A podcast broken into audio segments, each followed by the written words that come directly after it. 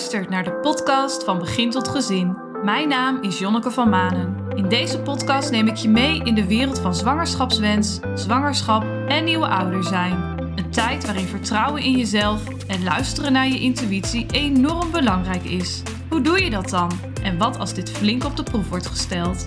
Laat je inspireren door mijn inzichten, kennis, persoonlijke verhalen van mezelf en andere ouders op jouw weg naar vertrouwen en het volgen van je intuïtie in het ouderschap. Veel luisterplezier!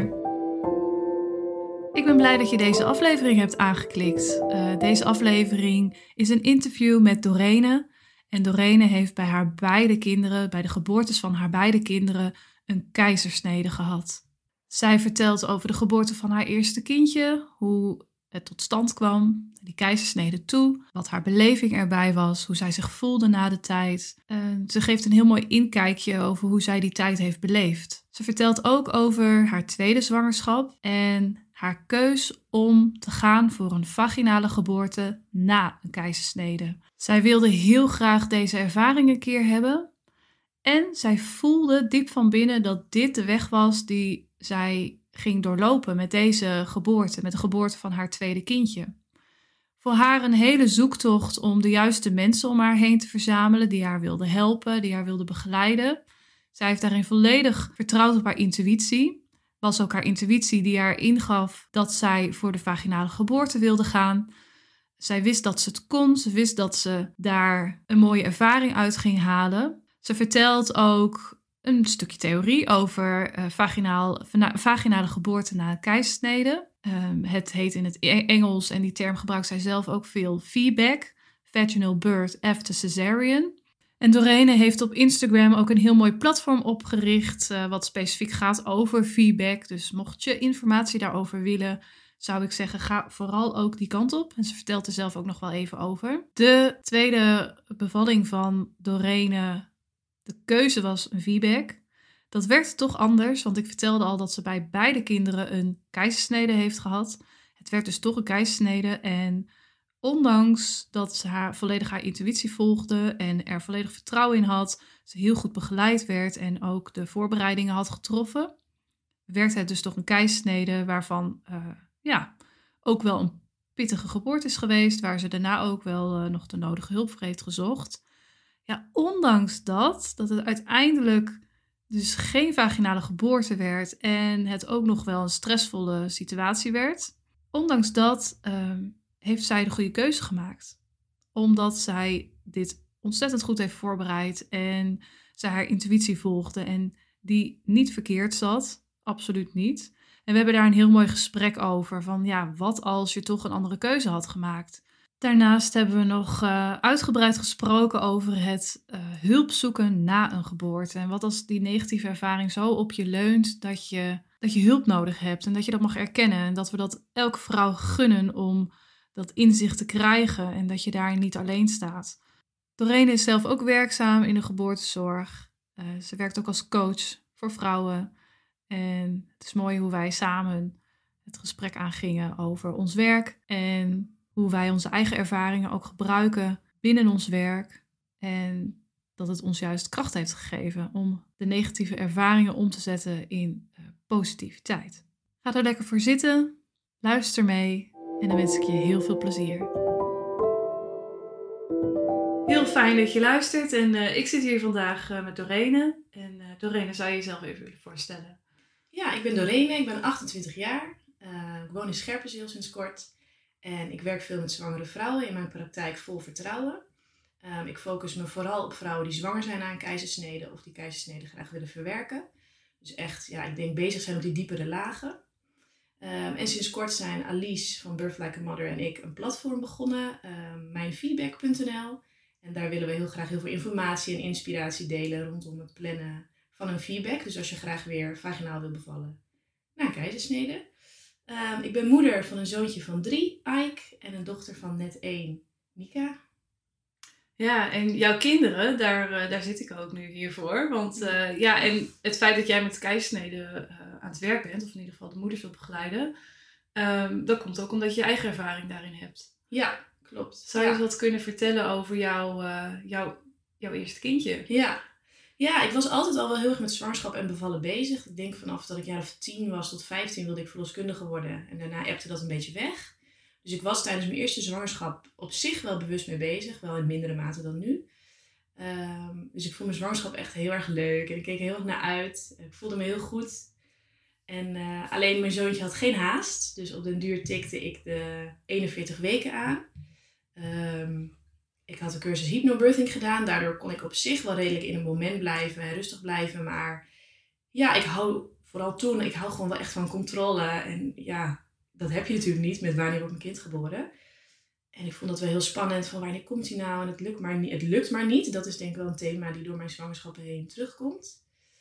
Ehm, dus toen raakte ik wel een klein beetje het vertrouwen kwijt. Ehm, en dan krijg je zo'n controle als je, nou, volgens mij gebeurt dat steeds sneller, maar bij mij was het iets na de 41 weken in een ziekenhuis. En daar voelde ik me niet op mijn gemak in dat ziekenhuis. Mijn angst voor een bevalling opwekken werd niet serieus genomen. Dus dat, wel... dat wilde jij graag? Ehm, nou, dat werd eigenlijk meteen genoemd. Van nou ja, dan gaan we over zoveel dagen gaan we inleiden. Dat was een beetje ja, dat was de wens vanuit het ziekenhuis. Ja. ja. Ja, daar zette ik op dat moment niet echt vraagtekens bij. Ik was er ook heel erg klaar voor om hem te ontmoeten. En ik was op dat moment ook wel klaar met zwanger zijn. Ik had ook al heel lang verlof, want ik had zes, uh, volgens mij zes of vier weken van tevoren. En ik zat toen nog in het onderwijs, dus ook nog twee weken mhm. kerstvakantie. Dus ik zat al heel lang thuis. Dus dat inleiden vond ik op zich niet een probleem, maar ik wilde daar wel heel graag over praten.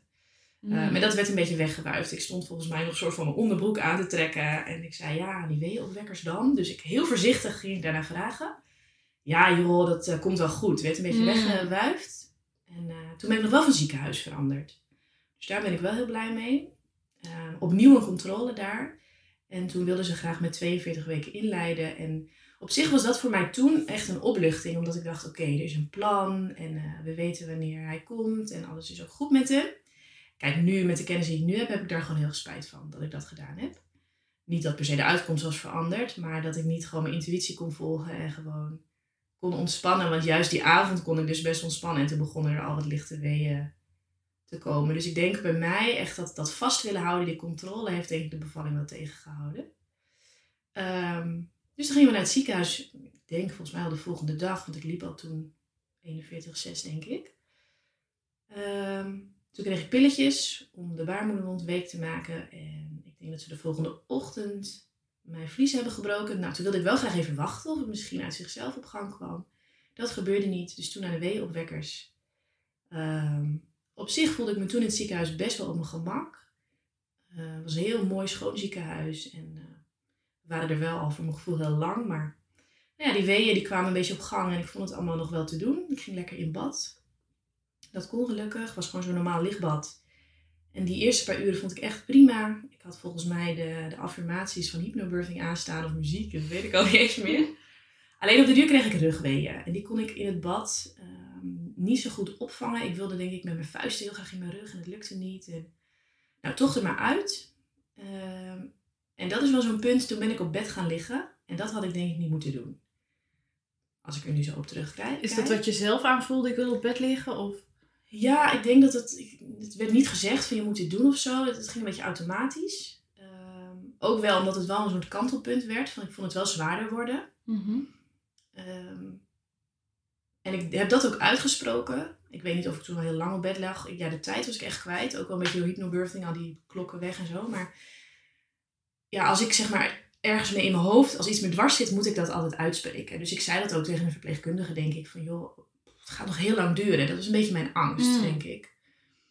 En, uh, dus we begon meteen over pijnstilling. En achteraf denk ik ook waarom. Want in mijn geboorteplan stond heel duidelijk niet over pijnstilling beginnen. En niet omdat er iets mis is met pijnstilling. Maar omdat ik op dat punt gewoon dan nodig heb van... joh Dorene, kom op, je kan dit. Even doorzetten. Dat is wat ik dan nodig heb. Of misschien als ik er echt helemaal doorheen zit van het komt goed. Dus ik denk echt zo'n, ja, een coach, een doula zou ik dan eigenlijk nodig hebben gehad. Ja, had je dat ook uh, met, je, met je man toen gedeeld? Nou, ja, hij was echt wel de stille kracht aanwezig op de achtergrond. Dus daar had ik in die zin wel wat aan. Maar voor hem was het natuurlijk ook voor het eerst. Dus ik denk dat het hem ook wel echt een soort van overkwam. Ja. Um, ik was niet enorm krachtig in mijn beslissing van ik wil geen pijnstilling. Dus hij ging daar niet tegen in. Um, ik was wel heel erg bang voor een ruggenprik, dus ik wilde dat niet. Dus toen hm. kreeg ik Remon Fentanyl, geloof ik. Een soort van pompje en dat kon je dan ook zelf bedienen. Maar daardoor raakte ik helemaal uit mijn bubbel. Want op zich in Mm. dat bad kon ik het dus best goed opvangen. En zat ik helemaal gewoon in mijn eigen, ja, mijn plekje. Ik weet nog dat de verloskundige binnenkwam. Vond ik eigenlijk alleen irritant. Mm. Dus ik wilde ook het liefst wel alleen zijn. En dat werd daarna ook wat lastiger.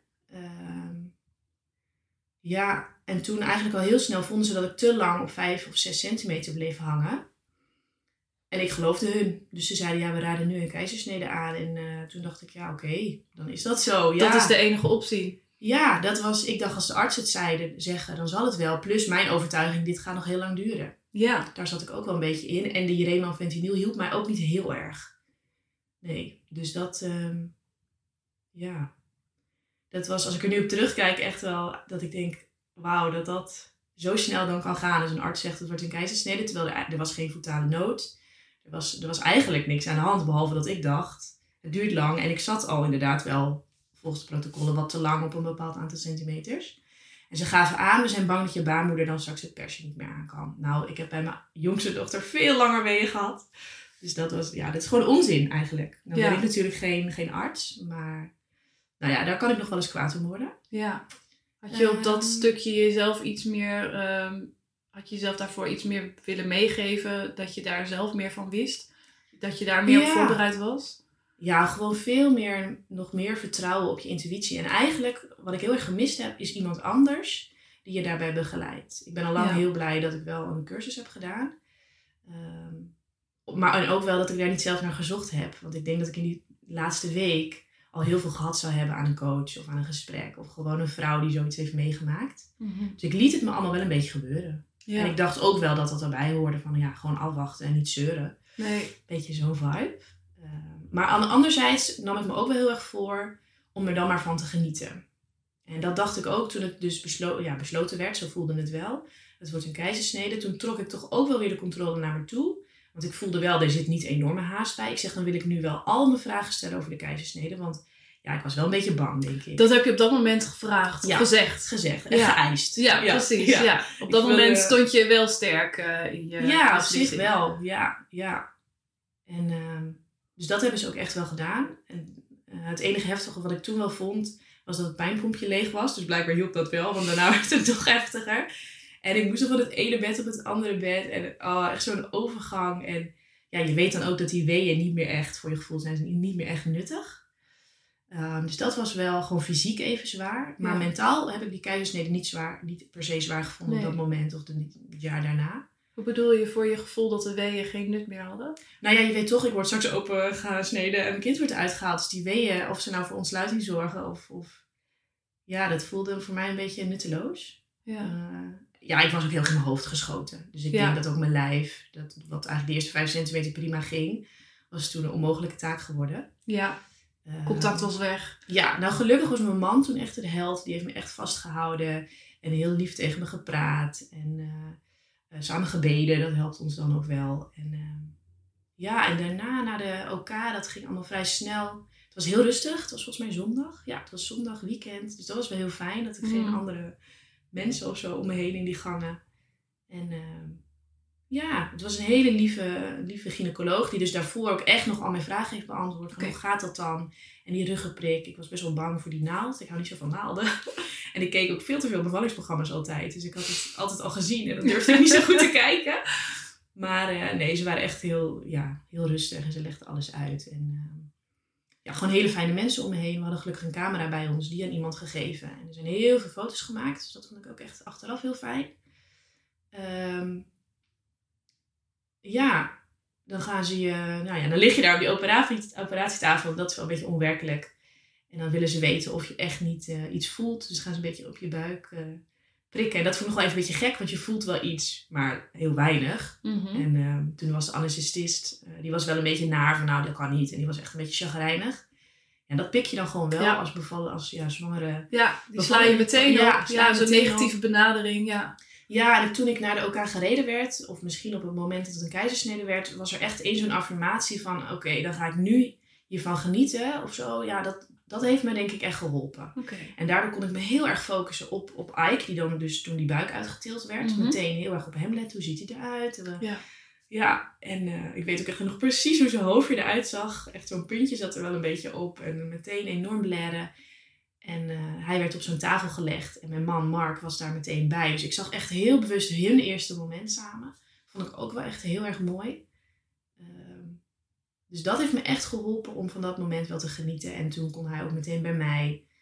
En daarna eh, ging hij wel met de couveuse met Mark erachteraan terug naar de kamer. Oké. Dat is voor mijn man echt een heftig moment geweest. Dat hij door het ziekenhuis moest met een brullend kind waar hij niet bij kon. Ja, ja.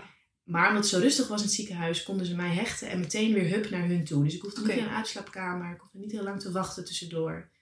Dus dat is wel voor dat gouden uur, denk ik, heel fijn geweest. Ja. Eh, meteen aangelegd en gedaan. Dus ja, dat was eigenlijk best wel een hele mooie keizersnede. ja. Alleen hij had gewoon niet gehoeven. nee, Dat is een beetje het nadeel. Ja. Ja. Maar jij kon dus wel op dat moment dat het, nou ja, het wordt een keisnede, je knop omzetten en eh, weer, ja, weer dat gevoel induiken.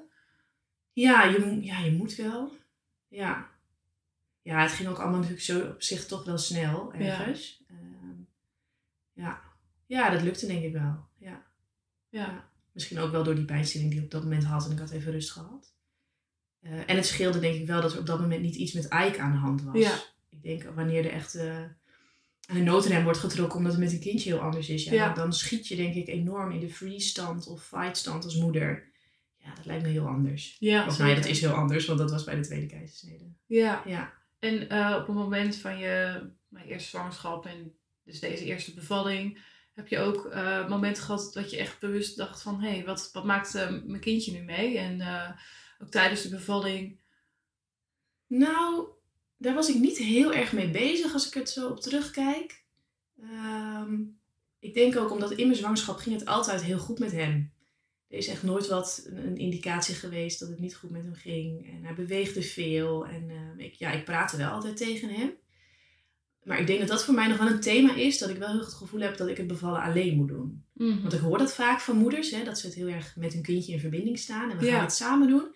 Dat heb ik niet zo ervaren. Nee. Nee, Nee. wel eh, bij mijn tweede van ze moet er nu uit. Dat ik echt Mhm. voelde dat zij dat ook wilde. Ja. Ehm, en bij mijn tweede heb ik wel het gevoel gehad van het gaat, eh, zij is heel krachtig of zo. Eh, maar ik was niet constant met ze aan het communiceren. Nee. Nee, en ik weet niet of dat is omdat ik het gewoon graag alleen doe. Want bij mijn eerste bevalling had ik ook niet zo'n behoefte aan mijn man dicht bij me. Of ja, ik had op zich wel een vrouw gemist. Omdat ik bij de tweede ging nadenken over een doula. Maar ik denk ook niet dat ik die per se heel dicht bij me had hoeven hebben. Dus ik Nee. denk dat het ook een beetje mijn karakter is.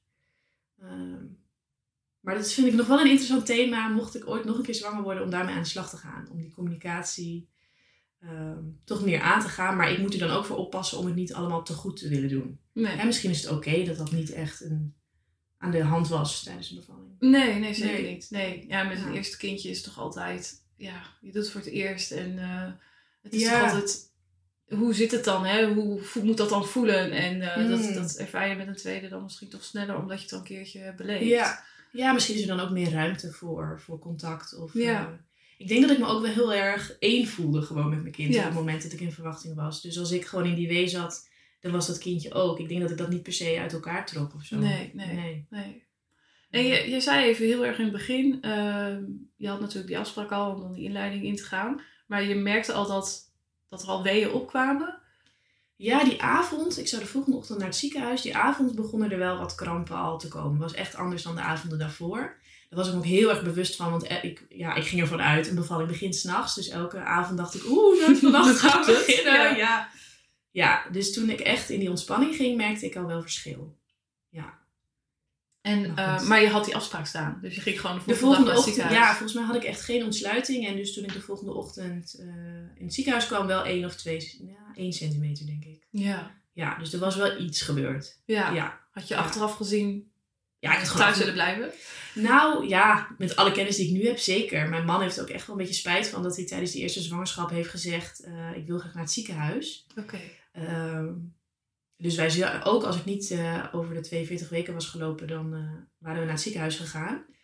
Ehm, maar ja, met alle kennis die ik nu heb, ja, daar heb je natuurlijk niks aan. Maar dan was ik zeker thuis gebleven. Of in ieder geval in het ziekenhuis, maar wel nog even een paar dagen langer afgewacht. Ja. Zeker omdat het met hem zo goed ging. En er was gewoon heel veel vruchtwater. Ja. En ik ken ook moeders die voelen gewoon bij 41, nou zeg maar wat, vier dagen, die voelen gewoon, mijn kindje moet er nu uit. Ja. Dus ik denk dat die intuïtie daarin echt wel belangrijk is. Zeker, zeker. Ja. Ja, er zijn natuurlijk steeds meer onderzoeken die uitwijzen van, nou na 42 weken wordt het echt wel eh, een groter risico. En ehm, nou ja, aan de ene kant heel mooi dat ze daar onderzoek naar doen. Eh, maar ja, de kans op inleidingen, keizersneden, wordt ook veel groter. En daar Ja. wordt dan weer weinig onderzoek naar gedaan. Precies, ja. Dat ja. vind ik echt wel heel jammer. Ja. Ja. En ehm, nou, je hebt dus... Het is dus eigenlijk wel goed gegaan. En je hebt daarna ook gewoon eh, snel... Je komt daarna ook snel bij, eh, bij je zoontje. En je hebt daarna... Hoe is je herstel gegaan? Ja, mijn herstel ging heel vlot. Ehm, ik had zelf natuurlijk geen vergelijkingsmateriaal, maar mijn moeder is kraamverzorgster. Oké. Ze zeggen, joh, jij loopt nog sneller dan sommige vrouwen met hechtingen. Nou ja, dat maakte mij op dat moment allemaal niet uit. Maar het voelde voor mij echt als een exponentiële groei. Dus de eerste dag denk je echt, wow, ik ben overreden door een vrachtwagen. Mm. De tweede dag moet je dan naar het toilet en denkt, hoe ga ik dat doen? En binnen een paar dagen gaat het al zoveel beter. Ja. Dat is echt wel, ja, ik vind dat best wel een wonder met zo'n snee in je buik en negen Mhm. maanden een kindje te hebben gedragen. Ja. Ehm, ik deed wel echt heel rustig aan. Je, dat is wel het voordeel. Je lijf fluit je meteen terug als je te veel doet, als je iets te ver loopt. Ehm, nou ja, mijn moeder is kraamverzorgster, dus ik had veel hulp. Mijn vader was er ook.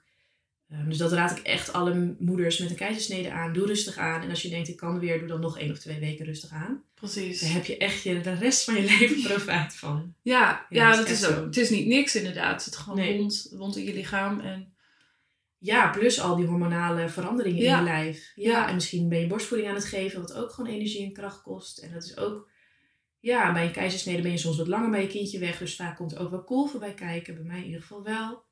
En ehm, ja, je moet gewoon echt dan echt heel liefdevol naar jezelf zijn. zeker. Ja. Altijd. Nou, Altijd, maar- precies. Ja, dat is nou, met een Ja. vaginale geboorte natuurlijk Net zo. eh, net zo Ja. goed. Ja. Ja, en bij een keizersnede gewoon nog net een procentje Ja. extra, denk ik. Ja, ja, Ja. zeker, zeker. Ja.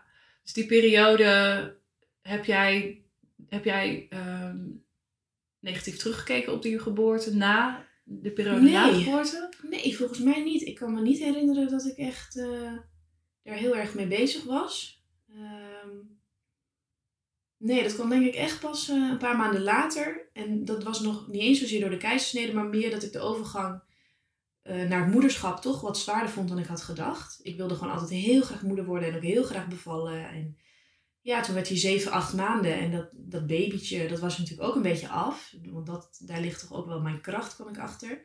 En ik was gewoon een heel ander type moeder dan ik dacht. Dus daar lag bij mij een groter ehm, ja, ontwikkelstuk. Mhm, Ja. Dus daar ging ik toen mee aan de slag. En eigenlijk pas tijdens mijn tweede zwangerschap werd ik me ervan bewust dat er toch echt in de eerste bevalling dingen waren gebeurd die ik achteraf niet had gewild of die ik anders zou doen. En ja, ik kan me dus niet echt herinneren waar dat ja, soort van kantelpunt ligt of hoe dat, ja, hoe dat is gekomen. Misschien omdat ik steeds sterker voelde. Ik wil zelf vrouwen coachen. Mhm. En ik las gewoon meer boeken van Ina May Gaskin. En ja, ik kwam steeds meer doula's tegen. En dan krijg je toch wel een ander beeld op bevallen, denk ik. ja, ja, Ja, ja, dat zeker.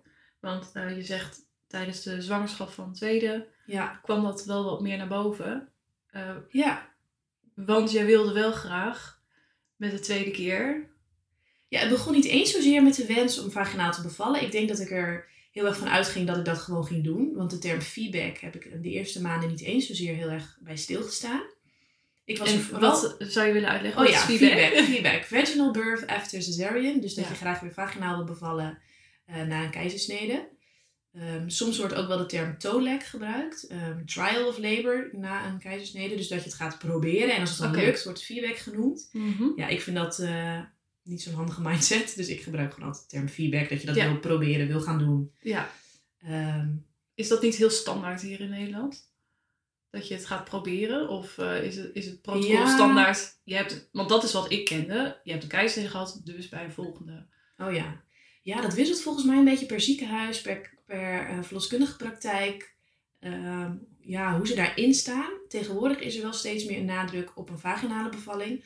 Omdat het gewoon over het algemeen minder risico's met zich meebrengt. Zeker als je een wens hebt voor nog meer kinderen. Ja. Ehm, ja, er is een beetje een soort van mythe ontstaan. Ik weet niet meer precies, volgens mij in de jaren 60, 70. Toen was er een arts die zei: Once a C-section, always a C-section. En dat zei hij niet om, ehm, om vrouwen aan te raden altijd een keizersnede te doen. Maar hij zei dat vooral, hij zei dat op een soort van seminar voor gynaecologen. Hij zei dat jongens, je moet die eerste keizersnede voorkomen. Want Ja. anders komen er steeds meer keizersnedes. En dat is een beetje een eigen leven gaan leiden, helaas. Waardoor Ja. toch wel veel mensen, zeker, eh, ja, ik heb het idee in Amerika, maar ik weet niet of dat echt zo is. Maar eh, dat veel mensen toch wel denken, als je een keizersnede hebt gehad, dan is dat altijd zo. Het verschil is dat je de keuze krijgt. Dus in Nederland is het heel moeilijk om, als je nog nooit een keizersnede hebt gehad, een keizersnede te mogen. Er was laatst ook weer een artikel over in de Jinek. Ja. Ehm, dus vrijwillig voor een keizersnede kiezen zomaar, dat is best wel ingewikkeld. Omdat artsen die hebben een eet afgelegd dat ze geen schade mogen doen. ja. Dus dat is voor artsen heel ingewikkeld. Ehm, maar heb je al een keizersnede gehad, dan mag je eigenlijk zelf kiezen. Oké. En ik sprak van de week ook een moeder, ze zegt ja, ik baal eigenlijk van die keuze. Want dat kan best ingewikkeld zijn. Hmm, Ja. Ehm, voor mij heeft het dus niet zo gevoeld. Ik ging er eigenlijk vanuit, dit is een hele andere zwangerschap. En, eh, ga ja, gewoon dat was weer niet eens, opnieuw. Ja, dat was niet eens een bewuste keuze. Dat was Nee. gewoon hoe ik er vanaf het begin in stond. Ik was veel meer bezig met, ehm, ja, ik wil niet eh, bij 42 weken worden ingeleid. Ik wil best op drie- 43 weken wachten. Oké. Daar was ik meer mee bezig. Ja, dat zat al heel sterk in jou. Ja, Dat ga ik niet nog een keer doen. Ik ga het gewoon rustig afwachten. En Ja. eh, ik vertrouw op mijn, eh, mijn lichaam. en Ik vertrouw op Ja. de baby.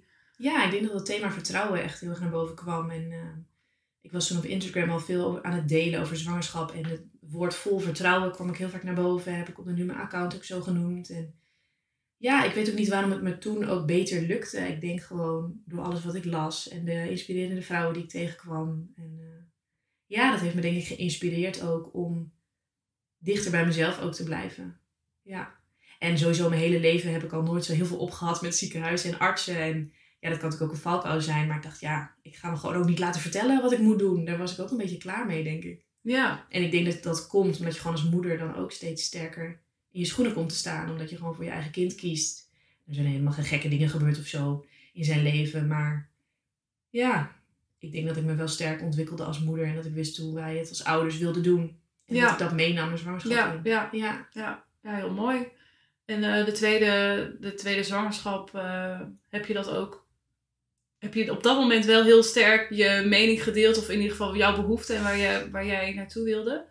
Ja, dat ging een beetje met, met hoe moet je dat zeggen, met golven. Ehm, ik deelde toen echt wel veel online. Ehm, ik begon eerst weer bij mezelf de verloskundige praktijk. Daar noemde ik het al eventjes van joh, ja, dat wil ik eigenlijk gewoon niet weer. Nou, daar ging ze op zich wel eh, goed mee om, maar wij gingen toen verhuizen. Dus toen moest ik naar een andere verloskundige praktijk. Daar had ik eigenlijk helemaal geen zin in. Eh, weer andere vrouwen leren kennen. En ik had de vorige keer ook wel een beetje stress gehad van... hé, hey, welke verloskundige gaat er dan met me mee? Want Mm. ik had natuurlijk gewoon gehoopt polyklinisch te bevallen. Ja. Dat was ook eentje waar ik helemaal geen klik mee had. En ik kwam ook steeds meer achter dat ik best wel gevoelig ben voor dat soort dingen. En dat ik dat ook serieus mag nemen. Ja. Dus eerst dacht ik, ik wil graag een doula. Omdat ik ook wel een beetje ja, de constante begeleiding van een vrouw had gemist. Ik heb me soms wel een tikje eenzaam gevoeld. Ehm, dus ik heb twee doula's gesproken. Maar omdat ik noemde van, nou ja, ik wil langer wachten dan 42 weken, zei ze, nou ja, dan ga je buiten het protocol. Dus dan raad ik je een holistische verloskundige aan. Oké. En ehm, ik merkte ook als ik dat soort dingen deelde, ik deelde bijvoorbeeld van nou ik wil langer wachten, dan kreeg je ook op Instagram had ik nog heel veel verschillende soorten volgers. Dus ik kreeg ook soms wel wat verzet. En ik merkte hoe meer verzet ik kreeg, hoe feller ik werd. Oké. Ja, dus dat was eh, niet altijd goed, maar dat, dat, dat wakkerde wel denk ik mijn vlam aan. Nou, het vinden van een verloskundige vond ik echt nog wel een intens proces. Ik heb heel veel eh, solistische verloskundigen gemaild of hele kleinschalige verloskundige praktijken. Ondertussen stond ik nog onder zorg in dus mijn nieuwe woonplaats bij de verloskundige. En die moesten op de duur ook een beetje weten of ik zou blijven of niet. Ja. Ja, en dat was echt zo'n punt waar het meer een gevoel was dan een rationeel weten of zo. Want rationeel gezien was het hartstikke handig. Gewoon in mijn eigen dorp verloskundige. Het waren hartstikke lieve vrouwen. Het was een hele kleine praktijk. Je kende ze. Nou nee, want we waren daar net komen wonen. Oh ja, dat was die nieuwe, nieuwe Ja, maar ik had wel op zich meteen een klik met de Ja. vrouw die ik had gesproken. Dus daar was het op zich gewoon goed. Maar toch voelde het niet goed op een of andere manier. Maar ik kon dat dus niet aan mezelf uitleggen. Nee. Wel een klein beetje van, nou ja, ze, die 43 weken vonden ze geloof ik wel een beetje spannend. Op dat punt begon ik ook een beetje na te denken van, hé, hey, eigenlijk wil ik gewoon thuis bevallen. Hmm. We hadden een wat groter huis gekocht, eh, met weinig buren. Dus ja, ik kon herrie maken als ik dat wilde. Nee, ik weet niet, dat kwam ook op mijn pad. Ehm, maar daar stonden ze niet voor open. Alleen op dat moment wist ik ook nog niet zeker of ik dat wilde. Oké. En ik was toen al vroeg van Margot een keer via via tegengekomen op Instagram. Ehm, maar het heeft nog even geduurd voordat ik mezelf dat gunde of zo. En toen vlak voordat ik moest beslissen of ik zou blijven bij de verloskundige praktijk, de reguliere, dacht ik nee, ik moet haar toch echt ontmoeten. Nou, een gesprek gehad. Ze kwam bij mij thuis. En toen wist ik meteen, dit is het. Yes. En dat was echt, uh, ja, dat was echt geweldig. Toen kwam ik wel echt tot rust. Want ik had er Ja. wel een beetje stress van. Ja. Ja, ik vind het echt heel goed van je dat je, dat je hebt vastgehouden. Die 43 weken, daar ga ik naartoe. En door Ja. alle tegengas wat jij kreeg, je zei van ik word steeds verder. Maar je had ook kunnen zwichten. En eh, Ja, nou dat is voor mij denk ik gewoon nog veel zwaarder. Omdat ik zoiets gewoon niet los kan laten. Dus dat is, voor sommige mensen komt dat misschien heel sterk over. Voor mij is het veel moeilijker om het los te laten. Was misschien Ja. eigenlijk voor mij nog sterker geweest. Maar in dit geval was het wel het beste. ja, je hebt uiteindelijk eh, de vrouw gevonden waar jij eh, Ja. je, je goed bij voelde. En, eh, Ja, en je daar ook gewoon volledig kon gaan voor wat je wilde. ja, ja dat is, was echt, echt een zegen geweest. Ja, Ja, ja. dus je, je had je verloskundige gevonden. ja het had even geduurd. Ja. Ik weet niet meer hoeveel weken ik toen was. Maar voor mijn gevoel was dat wel echt een paar... Ja, die maand daarvoor. We zijn- waren natuurlijk ook net verhuisd. En allemaal veranderingen. Mijn oudste zoontje had er natuurlijk ook wel last van die verhuizing. Ja. En ik vond maar geen verloskundige. Zo Nee, voelde nee. dat toen. ja, dat was wel echt... Dat best stressvol. Verhuizing en nog verloskundige zoeken. En, Ja. ja. ja. Ja, dus daarna kwam ik echt wel tot rust. En kon ik ook vanuit meer rust Ja. dingen delen. En toen merkte ik ook dat ik ook niet zo vaak meer weerstand kreeg. Nog heel eventjes toen ik ervoor koos. Eh, voor een thuisbevalling. Dat vonden sommige mensen wel heftig. Met name in de geboortezorg. Ja, die zien Oké. natuurlijk ook andere dingen. ja. Eh, maar hoe meer ik dat vanuit mijn eigen vertrouwen en mijn eigen intuïtie kon delen, ja, hoe beter mensen dat eigenlijk begrepen. Ja, Of ja. bedachten, ik, ik zeg maar niks. Dat kan natuurlijk ook. Ja, nee, Ja. Jij, jij, jij voelde op dat moment aan van ik, dit, dit, kan, dit kan gewoon en eh Ja. het voelt goed. Ja, Als jij zelf eh, daarin je zorg had gehad, dan had jij ook niet die keuze gemaakt. nee. Nee. Nee. En hoe, eh, hoe is dat verder gegaan met, eh met Margot? Ehm, nou, het fijne aan een caseload is dat ze gewoon net wat meer tijd heeft. Ja. Dus je kan in je gesprekken gewoon wat meer de diepte in. Ehm, en als zij, ik denk dat het ermee begon van, joh, hoe ziet jouw ideale bevalling eruit? Hoe zie je dat voor je? En elke keer als we het daarover hadden, ik ben echt heel visueel ingesteld. Dus ik zag het gewoon altijd gebeuren ehm, op het kamertje van mijn dochter. En die, die grenst zo aan onze eigen slaapkamer met een, een opening ertussen. En daar zag ik het gewoon altijd helemaal voor me. En dat, ja, dat kon ik gewoon niet negeren. En dat ging ik ook hardop uitspreken. En toen kwam ik er ook achter dat zij dat wel zag zitten om dat thuis te begeleiden. Maar ze hield dat natuurlijk wel heel erg bij mij, die keuze. Toen hebben we nog twee gesprekken gevoerd in twee verschillende ziekenhuizen. ehm, voor de optie om daar polyklinisch te bevallen. Want het protocol is eigenlijk dat je rond de ik dacht 37 weken wordt overgedragen al aan de gynaecoloog. Dus dan heb je al geen contact meer met je verloskundige. Nou, daar heb ik ook voor gekozen om niet te doen. Ik wilde gewoon bij mijn eigen verloskundige blijven. En dat je dus meteen medisch bevalt. Dus dan mag je je eigen verloskundige niet meenemen. En wij wilden dan toch graag gewoon, zonder gynaecoloog, gewoon met mijn eigen verloskundige daar Ja. bevallen. En het ene ziekenhuis stond daar wel voor open en het andere ziekenhuis niet. Ehm, dus we wisten, hè, stel dat ik toch op het laatste moment denk, ik wil niet thuis blijven, dan kan ik gewoon met mijn verloskundige daarheen. Ja. Hoe- Ehm, Hoe eh, was dat voor jou? Nou, dat waren op zich wel hele leerzame en interessante gesprekken. In het ene ziekenhuis ging dat dus wat soepeler dan in het andere. Ehm, wat nog wel heel grappig was, dat ziekenhuis waar ik uiteindelijk ook ben bevallen en waar ik op zich een goed gesprek had, moest ik me wel wegen. En dat was echt iets heel kleins, maar deze zwangerschap, ik denk omdat zij ook bij mij in huis kwam, eh Margot, heb ik me eigenlijk weinig gewogen. En ik was juist, ik zat eigenlijk fysiek nog beter in mijn vel dan bij mijn eerste. Ehm, en als ik niet op mijn gewicht let, bewust, ben ik vaak ook gezonder dan wanneer ik daar heel veel mee bezig ga. Dus dat Mhm. was ook wel op een duur bewuste keuze van ik weeg me niet meer. Toen moest dat daar. Ik zeg nou nee. ja, maar dat is voor de gezondheid van het kindje. We moeten dat bijhouden. Nou ja, de kans dat ik in dat ziekenhuis weer kwam was op dat moment voor mij niet zo groot. dus ik wist nee. ook, dit argument is gewoon onzin. Dus dat was voor mij echt zo'n mini-oefeningetje om voor mezelf op te komen. Van ik wil dit niet, het is niet nodig, Ja, dus het gebeurt niet. precies. Ja, En dat accepteerde zij. ja, Oké. ja, dat was een verpleegkundige. Dat was dan zeg maar vooraf aan dat gesprek. Ja. Nou ja, bloeddruk opmeten, oké. Ehm, en soms denk ik wel eens van waarom ben ik zo recalcitrant? Maar ik voelde gewoon echt heel sterk, dit is niet nodig. Hier heb ik niks aan, hier heeft mijn kindje niks Nee. aan. Het is juist nadelig. Stel je voor dat ik nu opeens ontdek dat ik te licht ben of te zwaar.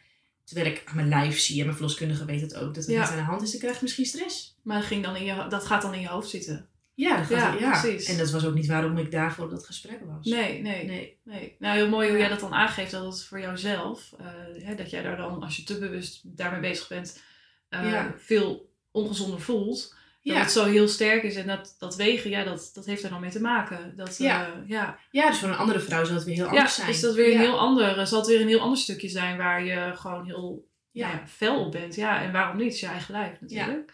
Ja. ja, en het stuk dat het moet, dat is ook Dat vind ik altijd een Ja. beetje gevaarlijk in de Ja. zorg. Ja. Dus dat is ook wel iets waar ik misschien ook wel eens te opgebrand ben. Maar eh, ja, voor mij was het toen in de zwangerschap wel een mooie oefening. Ja. En had jij ook, eh, had jij, kijk, jij wist dan heel goed van jezelf. Je had natuurlijk al eh, naar binnen gekeken en je wist van, oh, dit is heel belangrijk voor mij. En nou, dit stukje ook voor jou, hè, over je eigen lichaam. Ehm, is dat iets wat je zo gaandeweg geleerd hebt? Is dat iets waar je met je zwangerschap mee bezig bent geweest? Om echt naar binnen te kijken van, ja, wat zijn voor mij nou echt de thema's die ertoe doen? En Ja, ik was me niet heel bewust bezig, gewoon bezig met thema's. Ik denk dat ik onbewust dus erachter kwam van... hé, hey, als ik mijn intuïtie volg, ja, dan komt het ook goed. Ik voelde dus, ik moet niet bij deze verloskundige praktijk blijven. En toen was het ook echt wel even zwaar om iemand te vinden. Maar uiteindelijk vond ik wel iemand wat heel Mhm. fijn was. En ehm, ja, zo zijn er denk ik wel meer. Ik denk dat het ook in het moederschap gebeurd is. Ehm, ja, hij kon heel lang kon hij niet zitten, maar ik voelde het is, het is helemaal oké, het komt wel goed. En het kwam Ja. ook goed. Ik bedoel, Ja. Hij rent hartstikke hard nu en fysiek zit hij helemaal in orde. Dus ik denk dat het in die hele kleine dingetjes zit. En pas als je achteraf terugkijkt, dat je kan zien, oh ja, dat heb ik toen en toen geleerd. precies. Ja. Ja, ja. en dat stuk vertrouwen, dat, dat zit er dan toch ook weer in. ja, dat Ook dat wel. vertrouwen in van, nou ja, ehm, hij gaat vanzelf wel zitten. Dat komt wel goed. Dat komt wel goed. Ja, Ja. ja. Ja, dat is altijd weer een ander verhaal. Want jij vertelde dan eh, met de eerste zwangerschap dat ze niet naar jouw verhaal wilde luisteren. ehm, omdat je wat eh, eh, angst had. En toen zeiden ze ook, het komt wel goed. Dus het zit, het zit hem ook dan in de... Ja, maar nou ja, toen zei mijn intuïtie eigenlijk, Ja. het komt niet goed. Ja, dus als Of een ander tegen je zegt, het Ja. komt wel goed, is het een ander verhaal. Is dat je dat Ja. zelf natuurlijk eh, bedenkt. Ja. Ik denk dat toen mijn intuïtie of mijn angst, want angsten is ook wel echt, moet je ook mee aan de gang, denk ik. Ik drukte dat ook wel een beetje weg, ook deels wel, omdat mijn omgeving mijn angst voor ziekenhuis ook niet begreep. Mm. En dus vond ik, probeerde ik dat ook een beetje te relativeren. Ja. En, en dat eh, heb ik mijn tweede zwangerschap veel serieuzer genomen. Tuurlijk, Ja. er is niks mis met een ziekenhuis. En het is helemaal prima als andere vrouwen er wel willen bevallen. Maar voor mij, mij doet het gewoon wel een heleboel. ja. Ja. Merkte je dat je omgeving daar al iets meer voor open stond? Voor het ziekenhuis? Ja, Of, dat eh, jij daar die angst voor had. Of in ieder geval eh, daar wat minder eh, gevoel bij had. Ehm, nou, op den duur was het gewoon meer dat ik het gewoon accepteerde. Ik voel me gewoon niet op het gemak Ja. in het ziekenhuis. En weet je, als ik erheen moet, dan is dat zo. Eh, maar ik ben gewoon liever thuis. En ik Ja. voelde me daarna, ik heb daar wel echt veel onderzoek naar gedaan hoor. Ehm, allerlei dingen gelezen en ehm, andere ervaringen van vrouwen. En heel veel met mijn partner over gehad. Ook wel samen met Margot. Want ja, je, je, ja, je hebt toch een keizersnede gehad. Dus je hebt toch een litteken. En dat is wel Ja. even anders als dat, wanneer je dat niet hebt. Ehm, en die verantwoordelijkheid ligt dan natuurlijk ook echt wel bij jezelf. Dus je moet je wel kunnen dragen, mocht het toch misgaan. Ja. Eh, maar ik voelde zo sterk van als ik in het ziekenhuis begin, dan gaat het sowieso mis. En Ja. dat kon ik dus ook niet helemaal uitleggen. En dat klinkt een beetje extreem soms, maar ik voelde dat echt heel sterk. En dat gevoel kon ik niet negeren. Nee. Nee, dus dat maakte eigenlijk de keus voor thuisbevallen in die zin eigenlijk wel makkelijk. Ja. Ehm, het, het duurde wel even voordat ik dat toe durfde te geven. We stonden toen buiten na dat gesprek met de gynaecoloog. En ik zei zoiets hardop van ja, ik dan toch thuis? Of, of ja, polyklinisch kan toch ook wel? En ik weet nog dat Margot me aankeek, aankeek en zei, maar weet je het niet stiekem al lang? En dat is ook zo, je weet het eigenlijk al. Ja, precies. Ja. En dat, dat zie ik ook bij, eigenlijk bij alle vrouwen die ik spreek in mijn coachgesprekken. Wanneer ze die keuze moeten maken. Eigenlijk weten ze het al. Maar Ja. je rationele ma- eh, mind, Mhm. ja, die gaat er ook nog mee aan de haal. Precies, ja, Ja. ja, ja. ja. Ja. En, ehm, nou goed, jij had de, de keuze gemaakt. Ik ga thuis bevallen. Ja. Daar ga ik voor. En toen Ja. het eenmaal begon. Vanzelf. Ja, nou dat was al een heel mooi moment. Omdat ik, ja, bij de eerste heb ik dat niet meegemaakt. Dat het zomaar uit zichzelf begon. Mijn geduld werd echt weer op de proef gesteld. Volgens mij begon het met 41,6, 41,5, Hmm. 41,6. Ja.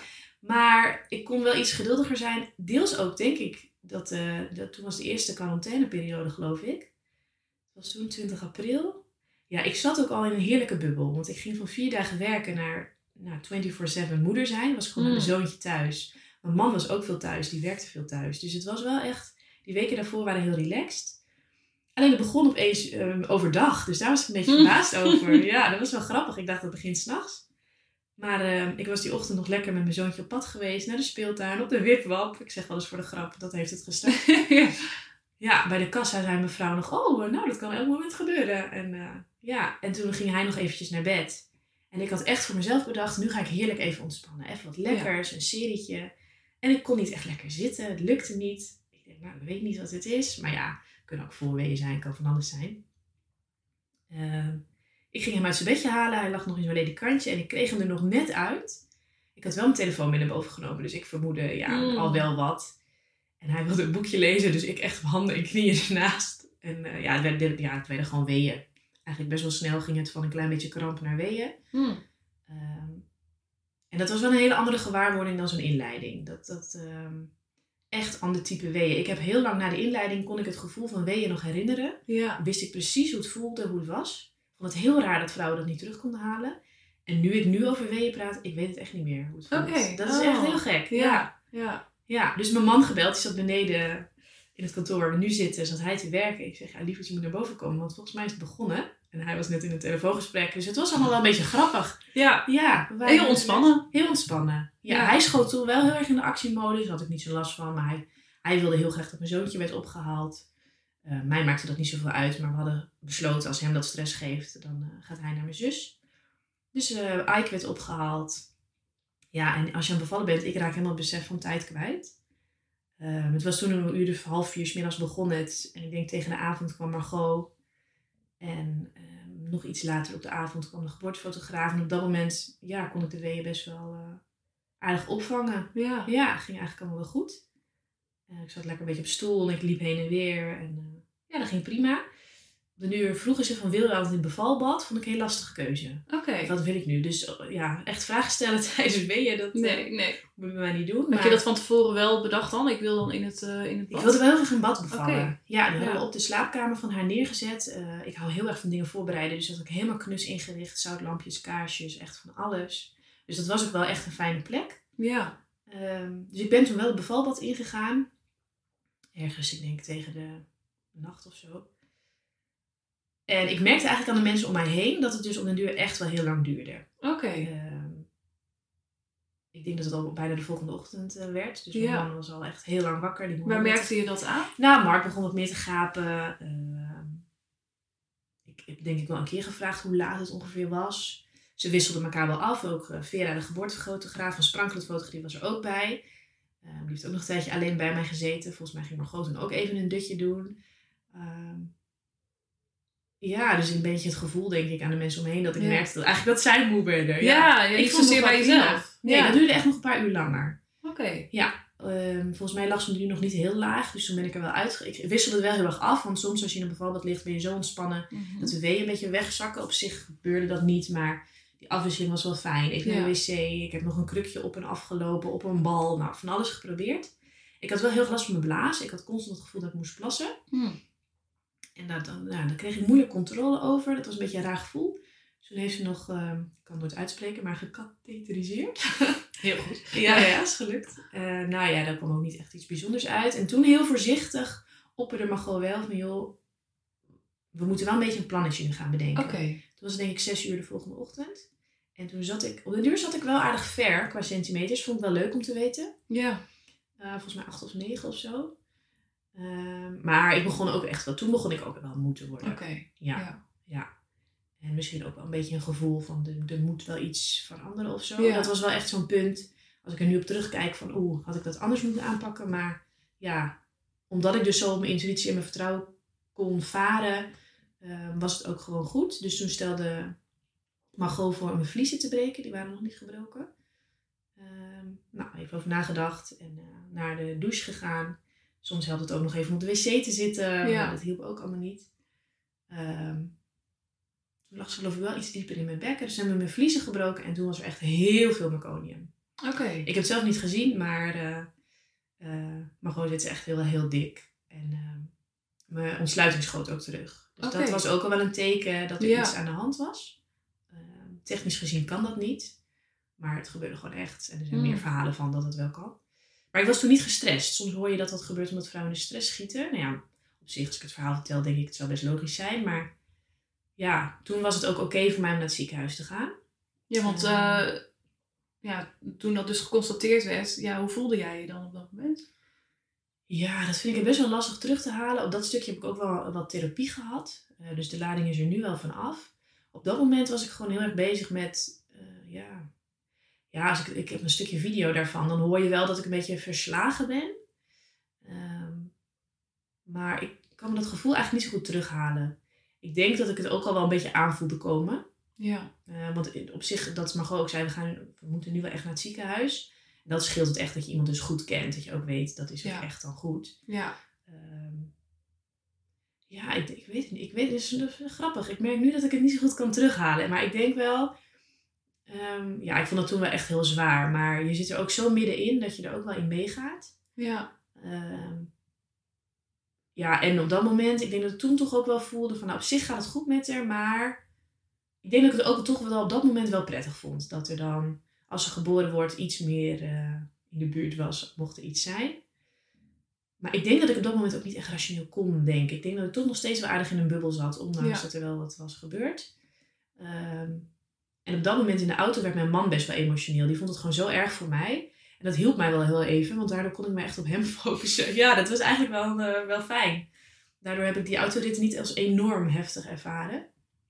Maar toen we buiten bij het ziekenhuis stonden, vond ik wel heel gek. Opeens al die mensen om je heen, er waren bouwvakkers, er was heel veel geluid. Mm. Het was natuurlijk toen echt eh, best wel een piektijd van corona. Dus een enorme rij bij die deur. En, ehm, ik was me er niet van bewust dat Margot eigenlijk niet mee naar binnen zou mogen. Ehm, ik, was, ik was helemaal niet bezig met corona. Dus ze Nee. zei, ja, ik ben nu aan het bellen of ik mee naar binnen mag. Ik zeg, ik ga niet als je niet meegaat. Dat heeft zij ook gezegd. Ja, Sta je dus- zo voor de deur? ja, ja. Ja, ik krijg deze mevrouw anders niet mee naar binnen, denk ik. Dat is natuurlijk niet waar. Maar ja, dat, eh, dus mocht ze mee naar binnen.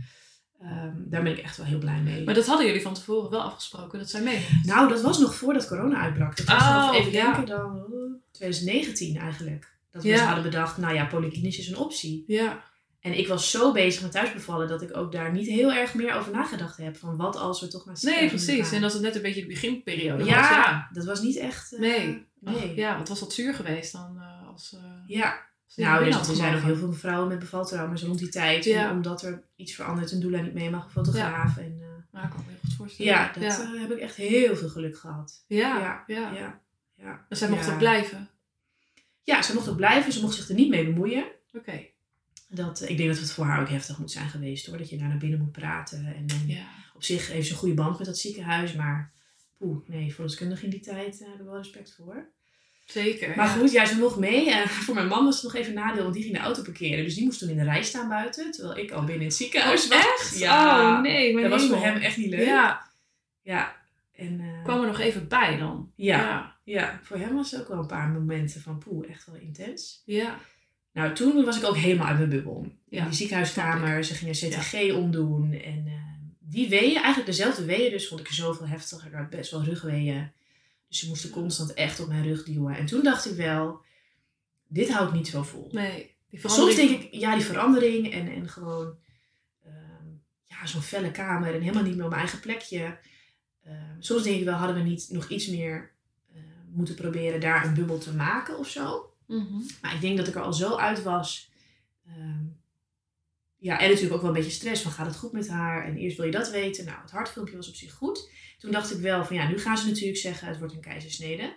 Ik dacht als ik dat nu doe, dan doe ik dat voor mezelf. Want op dat punt was ik het wel echt goed zat. Oké. Dus ik denk dat ik toch wel wist dat het met haar goed ging. Ja. Anders had ik denk ik ook wel wat anders ge- gevoeld of Ja. gedacht. Had je anders gereageerd. Ja. Ja. Dus op zich was het prima geweest als ik dan had gekozen voor een keizersnede. Maar ik wist dat ga ik mezelf daarna kwalijk nemen als ik dat voor mezelf doe. Of zo. Dat, ja, ja, dat ja. voelde ik toen echt heel sterk. Ik wist gewoon, ik kan, ik kan op zich nog door. Maar ik dacht wel, dan wil ik nu wel een ruggenprik. Ja. Nou, dat was ook hun voorstel. Het hartfilmpje was nog echt wel goed. Ehm, maar omdat ik al zo lang bezig was, dan wel even pauze, ruggenprik. En dan dat af laten nemen en dan eh, bij 10 centimeter gewoon kijken. Dus eigenlijk waren wij alle drie, mijn partner, ik, maar gewoon nog heel erg maar, nog vol vertrouwen. Dit wordt gewoon een vaginale bading. Ja. Ja, ehm, ik vind het soms zelf lastig terug te halen of ik dat zelf nog echt voelde. Ik denk het wel, want anders had ik misschien wel eerder voor die keizersnede gekozen. Maar goed, ja. Toen heb ik een ruggenprik gekregen, had ik lekker even tijd om bij te komen. Eh, iedereen even om bij te komen. En toen zat ik op de op 10 centimeter, wel met weeopwekkers.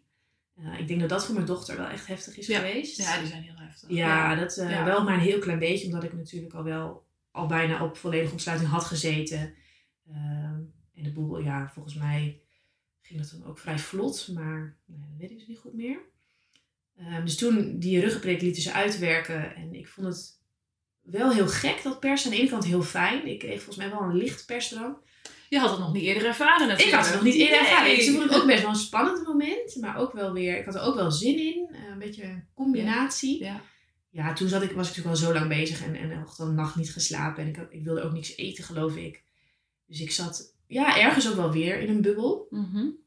Ehm, niet meer hetzelfde soort als thuis, maar wel gewoon echt gefocust op een taak of zo. Ik was wel mijn mobiliteit een beetje kwijt. Dat vond ik wel lastiger. Ik heb wel veel op mijn handen en mijn knieën nog eh, geperst. Ehm, ik was wel heel blij dat die weeën een soort van weg waren en dat er een soort andere kracht in je komt. Mhm. Maar ik vond het Ja. ook heel moeilijk, want ik had al zo lang weeën weggezucht en ik was al zo lang bezig geweest met ontspannen. Dat ik soort van meegaan in die kracht en op de duur gingen ze ook wel een beetje coachend persen. Vond ik wel heel moeilijk. Ik had echt het gevoel dat ik dat niet goed aan het doen was. Ehm, en ik weet nog wel dat ik op één punt ook dacht, wil iedereen nou alsjeblieft even zijn kop houden? Want er was wel ook heel veel gepraat om me heen en dus dat coachend persen. Ehm, daar heb ik wel spijt van dat ik dat niet gedaan heb, dat ik dat niet gewoon gezegd heb. Ik vond het wel heel fijn dat ik Margot af en toe bij bepaalde beslissingen kon aankijken. Van ben jij het hiermee eens? Want ja, haar vertrouwde ik. Oh ja, ja. En ik had echt op de nu een hele lieve uh, verloskundige, een hele lieve verpleegkundige. Maar ja, je kent ze niet. En dat is voor mij toch wel echt een ding. En op de duur merkte ik van, dit, dit wordt hem niet. Het gaat volgens mij niet goed met haar. Of ja, dat was niet eens zo'n heel bewuste gedachte. Maar ja, ik kon me gewoon niet volledig geven in dat persen. Ik weet nee. Misschien, toen dacht ik meer, dat komt gewoon dat ik moe ben. Maar ik weet echt nog, op den duur kwam ook de gynaecoloog erbij. We gingen ze kijken of een vacuüm misschien kon. Dat ik soort van met mijn lijf ook echt een beetje aan de achteren zakte in de kussens. Van, laat maar of zo. Ja. Ja. ik kan niet zo goed uitleggen. En eigenlijk wist ik het toen al. Ik weet nog dat, dat de verloskundige ook naar dat hartfilmpje keek. En eigenlijk was het filmpje goed. Maar dat ook zij eigenlijk intuïtief voelde, het, er klopt iets niet. Zij zag jou misschien, Misschien ook, ja, ik weet niet meer precies de volgorde. Dat, dat Ja. vind ik lastig terug te halen. Maar in mijn gedachten gaat het ook allemaal heel snel. Ehm, volgens mij gebeurde dat nog voor de gynaecoloog kwam. En ja, toen ging het ook wel snel. En ja, ze moeten nu gewoon uit. Ik denk dat zij, ik denk dat het een beetje tegelijk ging. De vacuüm kon niet. Ik denk dat toch haar hartslag, dat filmpje toch wel iets aangaf. Ik voelde ze moeten nu uit. Ja, En ja, toen schoot ik in de freeze. oké. Dat heb ik ook in therapie geleerd dat dat ook het beste is wat je lijf op dat moment kan doen. Maar vanaf dat moment naar de OK weet ik eigenlijk niks meer. Oké. Nee, dus dat is voor mij echt een beetje een blur. Ehm, Jouw lichaam ging in de zelfbeschermingsstand. ja, ja, ja, en na de keizersnede was ik ook heel erg aan het trillen. Dus toen moest dat Ja. trauma er ook echt uit. Mhm. Dat liet dus ook gelukkig echt gebeuren. En ze zeiden dat is echt normaal. Oké, Dus fijn. ja, fijn. ben ik wel blij om. Ja. Dat, dat duurde ook echt wel heel lang. Ja, en dat ze dat ook zagen en ook dat jou meegaven. Ja. Ja. Ja, ik had hele fijne mensen wel om me heen. Ehm, ja, het was gewoon een heel ander type keizersnede dan bij mijn zoon. Omdat hier ging het echt om haar. Zij moest eruit. Ja. Eh, tegelijkertijd was ik gewoon helemaal op. Dus ik kreeg het ook niet meer heel goed mee. Ik weet nog wel, ehm, ja, haar eerste moment dat je haar ziet. En toen kwam wel het vertrouwen weer terug, want ze was helemaal slap. Eh, werd ze zeg maar tegen dat doek aangedrukt. Ze was echt, nou ja, ze leek eigenlijk alsof ze niet meer leefde. Maar ik wist dat het komt goed. Oké. Ik weet, ja, dat is ook echt niet achteraf, dat wist ik echt. Ja. Wat Ehm, fijn, wat goed ook dat je dat eh, zo sterk voelde. Ja, Ja. ja, misschien is het ook gewoon dat je dat gewoon heel erg hoopt. Of, ja, ik weet het niet. Maar ehm, Nee, ja. Ja, voor mij was dat wel inderdaad wel heel fijn. Ook denk ik omdat je dus in verbinding staat met je kindje. En dat was wederom voor mijn partner wel heftiger. Ja. Ook dat verschil, omdat onze zoon gewoon zo hard blerde meteen. En zij was helemaal slap. Dus ze heeft echt een heftige start gehad. En moest ook zuurstof krijgen. Ik denk dat ze een APCAR-score had, eerst van drie of zo. Maar dat werd wel heel snel hoger. Ja. Dus zij moest wel ehm, naar de intensive care. Oké. Ik werd op dat moment ook helemaal beroerd en overgeven van alles. Dus dat was echt wel een andere sfeer, zeg maar. Ja, ja, heel anders. Ja, ja. Dus eh, gelukkig kon mijn man met haar mee en hij had al geleerd meteen huid-op-huid contact. Dus dat kon. Zij moest wel ook wel aan allerlei snoertjes en zo.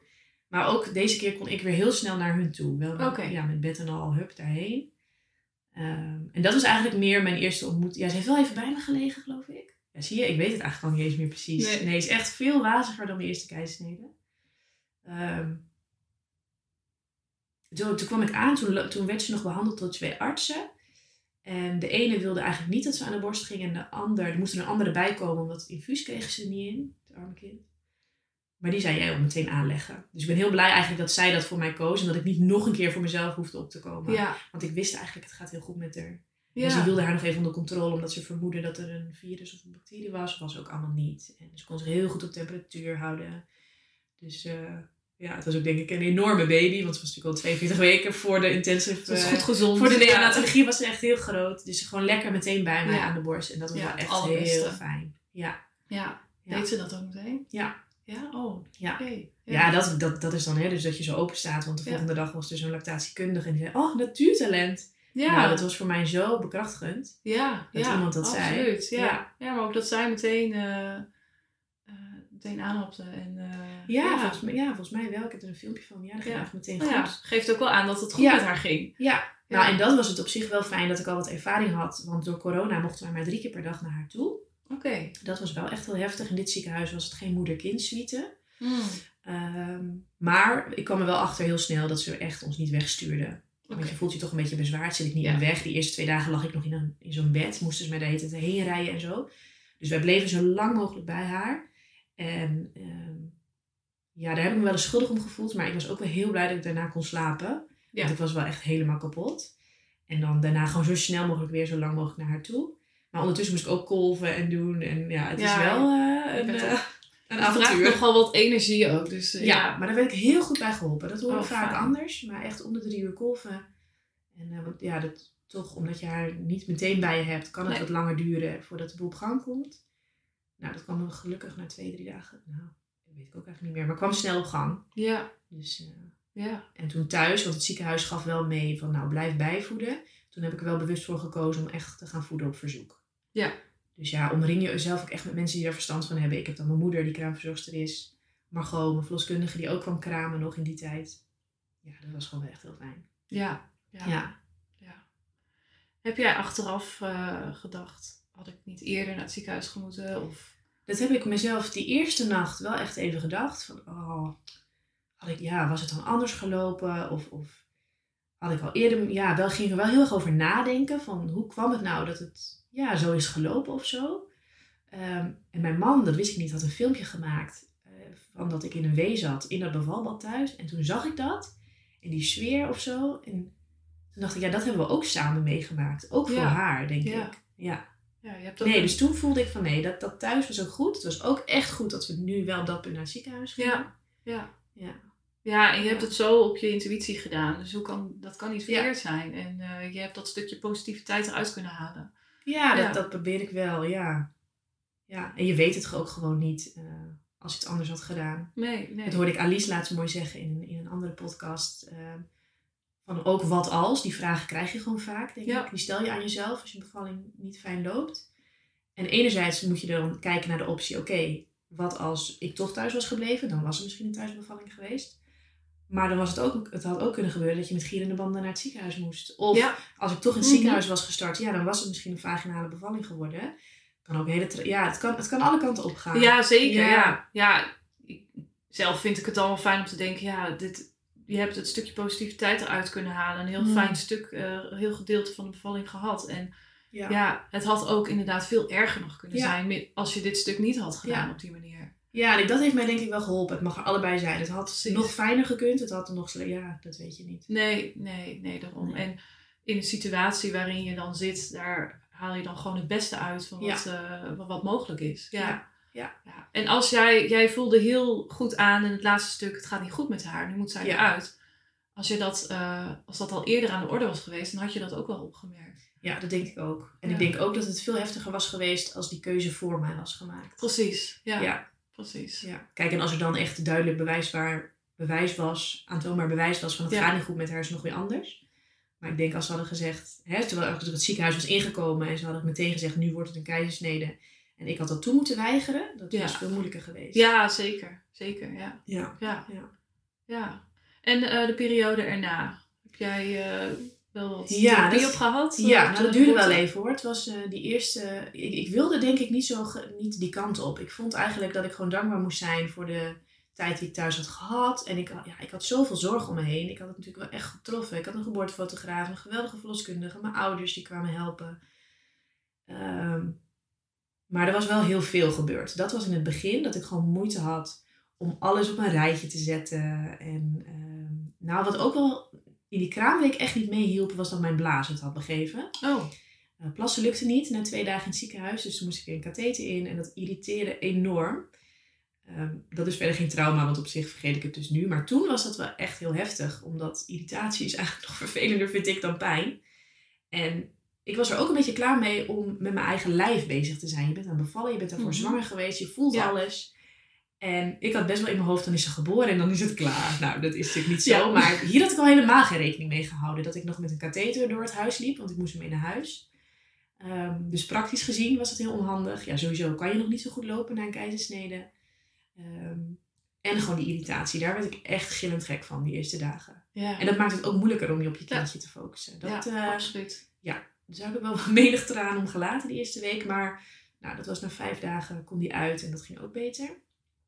Ehm, en ik heb wel echt heel bewust, ben ik boven gaan liggen. Dat had ik bij de oudste niet gedaan.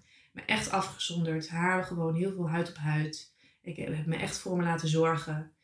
Heel vaak ook wel het verhaal verteld, denk ik, aan de mensen om me heen. En eh, ja, op zich had ik denk ik een beetje verwacht dat hetzelfde zou gaan. Misschien wel als bij mijn zoon, dat ik er niet echt veel last van zou hebben.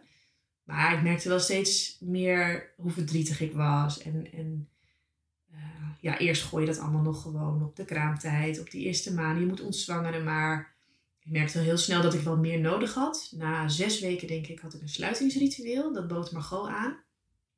En dat deed ze samen met haar, een zus van, met haar zus, die is ook doula. Nou, dat vond ik al heel fijn, door er bewust aandacht aan te geven. En ehm, ja, ook een stukje... ja, het was wel een beetje een rouwproces van dat wat het niet was. Ik had gewoon heel graag vaginaal willen baren, merkte ik gewoon aan mezelf. Ehm, dus dat dat een plek kreeg, dat was voor mij heel fijn. En ik had eigenlijk toegehoopt van, nou, nu is het dan klaar. Nu heb ik het afgesloten. ja, echt. Ehm, en dat was natuurlijk niet zo. Nee. Nee. ik had ook op dat moment een baan die heftig was. Daar hoefde ik wel pas na vier maanden aan te beginnen. Dus ik gooide alles heel erg daarop. Ik zat niet lekker in mijn vel. Ik was Ja. echt niet leuk naar mijn man. En Mhm. ik denk dat al mijn energie nog ging in het moederen. Dus Mhm. ik, ik hoop en denk heel erg dat mijn kinderen niet extreem ongeleden hebben. Maar ik was niet helemaal actief eh, op deze wereld, zeg maar. Nee. Toen zei mijn moeder op de duur ook. Want ik wilde eigenlijk niet aan het woord trauma. Maar ze zegt, ja, maar de reden is wel een heleboel gebeurd. Dat kan je toch niet allemaal alleen Hmm. verwerken. Dus dat hielp al wel heel erg. Mijn moeder is eigenlijk best wel nuchter. Dus het feit dat zij dat zegt, dat Ja. hielp mij. Ja, dus toen ben ik stapje voor stapje hulp gaan zoeken. Ehm, het voelde voor mij niet zozeer als een trauma, de echte bevalling zelf. Maar vooral, ja, dus dat gemis wat het niet was. En waar ik zo vol vertrouwen in stond en zo had gehoopt. En eigenlijk heel van uitging dat het zou gebeuren. Ja. Dat heeft bij mij vooral de grootste klap eh teweeg gebracht. Dus ik ben via de huisarts bij een manueel therapeut, nee, haptono- haptonoom ben ik geweest. Nou, daar heb ik op zich wel even fysiek wat aan gehad, maar had ik niet zo'n klik mee. Ik heb een paar sessies gehad bij Anke Veldstra. Dat vond ik wel echt heel fijn om de lading van bepaalde punten Ja. af te krijgen. En ik kreeg ook wat meer inzicht in wat er dan gebeurde. Dat was ook heel prettig. En uiteindelijk vond ik een lichaamsgerichte psychotherapeut. En dat was iets breder dan per se de bevalling, maar dat hielp mij ook wel heel erg. Ook, ehm, toen was ik denk ik echt, dat was al wel negen maanden, maar ook om haar geboorteverhaal en mijn feedbackwens soort van uit elkaar te trekken. Ja. Dus dat haar bevalling eigenlijk helemaal oké was. Dit was haar reis en het was heftig en het was voor haar ook heftig. Ehm, en die bevalling is nu oké, maar mijn feedbackwens, die is er gewoon nog steeds. En die pijn mag ook zijn, los van hoe dat verhaal voor haar Ja, was. En ja. dat heeft mij ook wel echt eh, ja, geholpen. Ja. Je hebt dus verschillende dingen opgepakt om eh, Ja, dat te kunnen verkennen, eh, verwerken en het te kunnen erkennen. ja, het was wel ook echt een zoektocht hoor. Ik vergeet vast ook dingen, maar ehm, ja, dat moest ook wel, omdat ik gewoon in de praktijk ook niet meer zo goed functioneerde. Ik was Nee. echt niet mezelf. En dat kan je natuurlijk heel lang op borstvoeding en van alles gooien. Maar ehm, ja, dat, ja, ik moest er gewoon wel wat mee, ook voor de mensen om me heen. Ja. Ja. Ja. Nou ja. En als het dan weer goed met je gaat, dat merk ik ook nu, van nu is het net een jaar, dan, dan je vergeet het ook wel weer dan soort van. Dat ik denk, oh ja, ik heb echt wel in een diep dal gezeten. Mhm. Ja. Ja. Ja, ook weer achteraf merk Achteraf. je op hoe, hoe anders je was. Ja. ja. Maar ja, op het moment dat jij, eh, ja, ook daarin voel je vanzelf wel aan van hé, hey, er, is, eh, Mm. er zit nog wat en Ja. eh, daar moet ik wat mee. Ja. Ja, en ook dat het een proces is en dat Ja. soms weer opeens thema's naar boven komen. Of, eh, Ja. ja, en ook Ja. die weerstand om dan wel niet daarin hulp te zoeken. Ja, ja, En ook uiteindelijk die hulp te hebben gezocht en dan nog weerstand hebben, dat is ook oké. Dat, Ja. eh, ja, ik gun moeders ook heel erg dat ze zichzelf daar serieus in nemen. En ik heb op de duur ook wel gedacht van, nou Doreen, ga je nou weer naar een coach of ga je nou weer naar een therapeut? Jongen, jongen, eh, wel een beetje over de heen gezegd, maar het helpt mij zo enorm. En, het, ja, en ook dus de mensen om me heen, ik ben dan echt een leuker mens. En, eh, Ja. ja, Ja. ja, Nou ja, ik zie het een soort als, eh, ik had dat vorige week, een soort van APK. Ja, je Ja. gaat gewoon weer even in onderhoud. Je, Ja. Er komen toch elke keer weer dingen op. En eh, Ja. eh, ja, en het hoeft ook niet altijd per se iets met het moederschap te maken te hebben. Of Nee. het zijn ook andere aspecten in je leven. Ja. Maar ja, waarom niet? Weet je, als je zere Ja. voet hebt, ga je ook naar de dokter, ga je ook naar Ja. een fysiotherapeut. Oh, dat Ja. heeft mij trouwens ook nog wel echt geholpen, een bekkenfysiotherapeut. Oké, ja. Ja. Gewoon ook om zeker te weten van, heeft het niet daaraan gelegen? Staat mijn bekken goed? Nou, dat Ja. is wel prima. ja. Ja. Ja. Ja. Je gaat ook nog een beetje zoeken hè, naar redenen van waarom. eh. Ja, dat is ook prima. ja. Ja. Dus het dan is echt een proces en dat, dat gaat niet over een rechte weg. Dat is echt Nee. eh, met allemaal hobbelpaardjes, zeg maar. ja, zeker. Ja. Ook een beetje uitzoeken van, oh ja, dit werkt wel voor mij. En eh, van de een beland je weer ergens anders in. Wat dan ook wel weer zijn effecten heeft. Ja. Ja. Nee, dat klopt. Ja. En ook echt iemand zoeken met wie je een klik hebt. Ik kreeg toen een hele lijst met allemaal psychologen van een- zo'n praktijkondersteuner. En je hoort veel over EMDR, maar dat zag ik allemaal niet zo zitten. Nee. Dus echt iets zoeken wat bij je past is ook echt Precies, belangrijk. Ja. Ja. Ja, ja, het is ook gewoon je, het is je emotionele beleving. En eh, ja, daar moet je op aangesproken worden. Ja. En ja, lichaamswerk, dat Ja. helpt daar enorm bij. Ja, heel ja. erg. Ja. Nou ja, wat jij ook doet natuurlijk echt die traumapreventie. Ik denk dat daar gelukkig steeds meer aandacht voor komt om al tijdens de zwangerschap met dit soort thema's bezig te zijn. En, en dat heb ik achteraf, heb ik wel de optie keizersnede, heb ik op emotioneel gebied, ben ik dat te weinig aangegaan. Ja, precies. En deels gewoon vanuit vertrouwen dat dat niet zou spelen. Of als het gebeurde, misschien door mijn eerdere ervaring komt het wel goed. Maar Ja, dat zou ik, mocht het nog een derde keer ons gegund zijn, dan zou ik daar wel echt Ja. meer op het emotionele gebied induiken. Van Ja. wat zou dat met me doen? Wat doet dat met je kindje? Ja. Eh, ja. ja, die scenario's, die, die alternatieve scenario's, die zijn er dan ook wel heel belangrijk. Van ja, dit is wel je wens en hier ga je voor en dat voelt goed en dat is ook heel fijn. En, Ja. Maar ja, wat als? Ja, die moet je eigenlijk Mm. van tevoren al even tackelen inderdaad. Ja, Ja. ja. En hoe, Ja, dat heb ik nu achteraf moeten doen en dat heeft me gewoon wel echt een jaar gekost. Ja.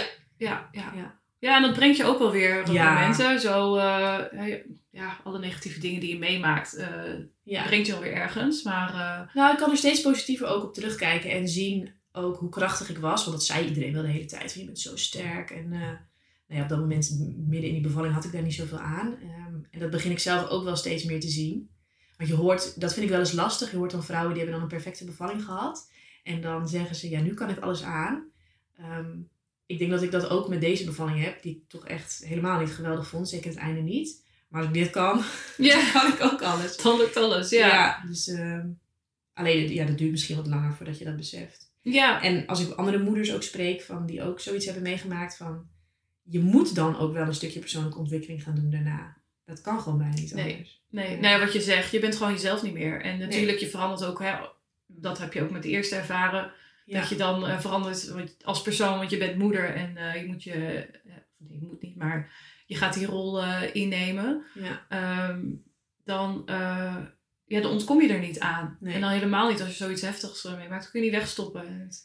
Ja, ik ben benieuwd of dat per moeder verschilt. Ik denk dat er ook wel mensen zijn met bepaalde karakters die dat toch heel lang weg kunnen stoppen. Ja, Maar Dat is wel zeker, ja. interessante. Ik vind dat wel... Ja. eh, Nou, ik heb ook wel eens een vriendin gesproken die, die al wat langer geleden kinderen heeft gekregen. Maar op het moment dat ik met mijn eigen praktijk bezig ging, hadden we het ook over de geboorte van haar kinderen. En dan voel je, je merkt wel, en dat, dat geeft ze ook terug, dat het, oh ja, dat, die emoties komen toch weer opzetten. Ja. En eh, toch niet Ja. in de gaten hoe, wat het dan toch eh, met, je, met je doet. En je neemt het ergens toch mee. Ja. Nou, en dat is het ook. Ik ben gewoon dankbaar dat wij nu een generatie zijn die daar ook de tijd, het geld, over het algemeen de energie Ja. ervoor heeft om daarmee aan de slag te mogen, denk ik. Ja, Want dat, ja, dat zie ik bij mijn moeder en mijn schoonmoeder, daar zit ook echt nog wel pijn. ja, Maar daar was gewoon, ja, daar was ook de cultuur niet naar, denk ik. Nee, en als je het inderdaad er dus over hebt, wat je zegt, dan komt het meteen weer boven. ja, Ja. ja. dat maakt niet uit. Nee, Nee. al ben je bejaard, eh, ben je 80 of 90. Ja, dat Ja. blijft voor altijd... eh, Ja. dat zit, dat zit daar. En Ja. ja. het is maar net inderdaad hoeveel, of je daar eh, naar terug wil. Of terug, Ja. aan terug wil denken. En, Ja. Nou, bewust van zijn. Ik Ja. bedacht me gisteren ineens ehm, van, oh, het zou eigenlijk best wel kunnen dat mijn angst voor ziekenhuizen daar vandaan komt. Want op zich had mijn moeder een fijne bevalling van mij. Behalve dat ze daarna wat dingen hebben gedaan die voor haar niet prettig waren. En dat ze ook echt heel boos is geweest op de gynaecoloog. Dat ik denk, oh ja, dat, je bent dan wel net bij je moeder. Dat krijg je toch wel mee. ja, zeker weten. Ja. Ja. Ja. ook dat stukje, dat, eh, dat hoort daar ook bij. Ja. Ook in het voorbereiden. Dat je je eigen geschiedenis, je eigen geboorteverhaal. Ja. En wat, wat heb je van je moeder en je vader meegekregen. Mm. Dat hoort daar ook bij, ja. En dat eh, kan getriggerd worden. Ja, Ja. zeker. En, ja, en het bewust van zijn eh, dat dat het dan misschien is. Ja, Ja. Ja. Ja, soms, ho- soms hoef je er dan niet eens per se iets mee, maar weet je het al. Ja, precies. Oké, dan is het zo. Ja. ja precies. Ja. Nou, echt eh, enorm bedankt voor je verhaal. Dank je. Echt eh, heel mooi. En hoe eh, je, je hebt heel duidelijk kunnen verwoorden waar je vertrouwen zat. En dat jij je intuïtie hebt kunnen volgen. en ik denk dat jij ook wel, nou ja, ook wel de persoon naar bent om daar heel goed in te duiken. En daaraan vast te blijven houden. Ja, je noemde net elke keer, ja, voor jou is het toch wel vanzelfsprekend. Maar het is echt wel eh, heel mooi hoe jij dat eh, zo hebt eh, meegenomen in je, in je zwangerschappen en naar je bevallingen toe. Ja. En Ja, hoe je daar nu mee aan het werk bent. Ja, Ja, ja want het is, niet zoveel, het is niet zo vanzelfsprekend. Niet bij iedereen. En, Nee. eh, ik sprak gisteren, eh, gisteren sprak ik een eh, aanstaande moeder en vertelde daarover. Ja, het vrouwenlichaam is gemaakt om te baren. En Mm. het lichaam weet wat, wat hij moet doen. En, en zij was echt heel verbaasd. Oh ja, is dat echt zo? Oh, ja. Ja, dus het is niet zo, zo, zo vanzelfsprekend Nee. dat, eh, dat het bij iedereen er zo in zit. Nee, dat vergeet ik dan wel eens als je er gewoon steeds meer in zit in die geboortewereld en Ja. in hoe het vrouwenlichaam werkt. En ondanks mijn keizersnede is toch ook, heb ik echt nog steeds sterk het vertrouwen dat vrouwen dit kunnen. Ehm, de uitzondering nagelaten. Maar omdat je bekken te smal is of zo, of de placenta ligt Ja, ervoor. Dat kan natuurlijk gebeuren. Ehm dan ben ik mijn punt kwijt. Maar eh, nou ja, dat gun ik vrouwen denk ik heel erg. Dat ze gewoon dat vertrouwen steeds meer krijgen. En niet eens zozeer alleen met bevallen op veel meer onderwerpen.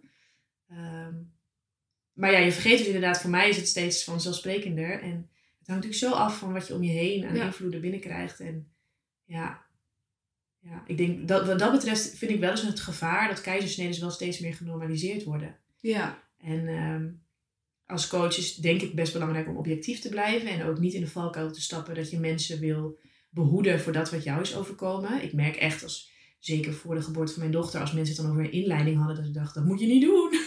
Terwijl je dat, je moet echt zo hun eigen verhaal moeten ze echt, ehm, ja, ze moeten echt bij zichzelf blijven, zeg maar. Dus dat heb ik gelukkig al wel geleerd. En eerst dacht ik ook, toen het feedback op mijn pad kwam, dat was eigenlijk door Margot. Margot en ik werken nu veel samen. En ze zegt, zullen we eens een keer een zwangerschapscirkel gaan houden? En op de duur zei ze, nee, dit moet een feedbackcirkel worden.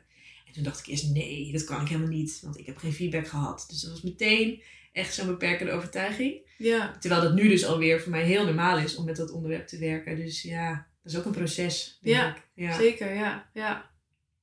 ja, hartstikke fijn. Dankjewel voor je verhaal. En eh, ik denk dat we mooi kunnen afsluiten zo. Ja. eh, ja. Ehm, fijn dat je hebt geluisterd. Heel erg bedankt. We hebben echt een heel mooi gesprek gehad hier. En eh, ik hoop dat je, daar, dat je daar heel veel dingen uit kan meenemen. Eh, volg mij op Instagram maandag van begin tot gezin. En dan eh, zie ik je graag terug in een andere aflevering.